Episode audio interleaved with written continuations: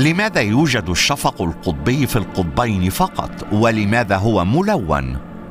يمكن أن يكون للشفق القطبي أشكال مختلفة.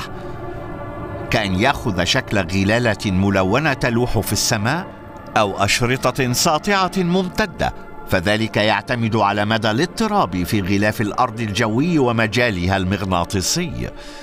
ينتج الشفق القطبي عن تفاعل الجسيمات المشحونة كهربائيا من الشمس مع مجال الأرض المغناطيسي. تصطدم جزيئات الشمس بمجال الأرض المغناطيسي بسرعة 500 إلى 800 كيلو متر في الثانية. وهذا يوجه الجزيئات إلى ما حول الأرض ويتسنى للكثير منها الوصول إلى قطبي الأرض. هناك فقط يمكن لجزيئات الشمس أن تصل إلى الطبقات العليا من الغلاف الجوي فتصطدم بذراتها وتشحنها كهربائيا لينبعث الضوء من ذرات الهواء المقذوفة.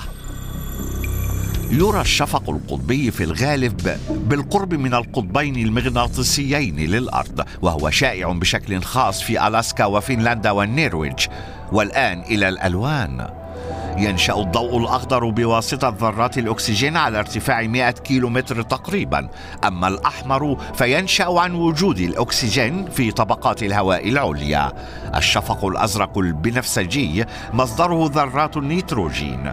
ولجعله يتوهج يجب أن تكون الجزيئات الشمسية سريعة جدا. ويمكن أيضا رؤية الأضواء الساحرة من الفضاء.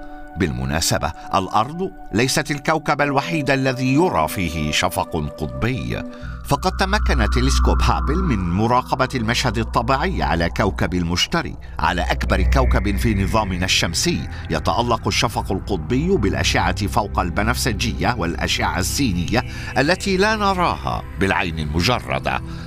كما التقط تلسكوب هابل أيضا الشفق فوق البنفسجي على كوكب زحل وهو يتألق بشكل خاص في القطب الشمالي قبل منتصف الليل وعند الفجر.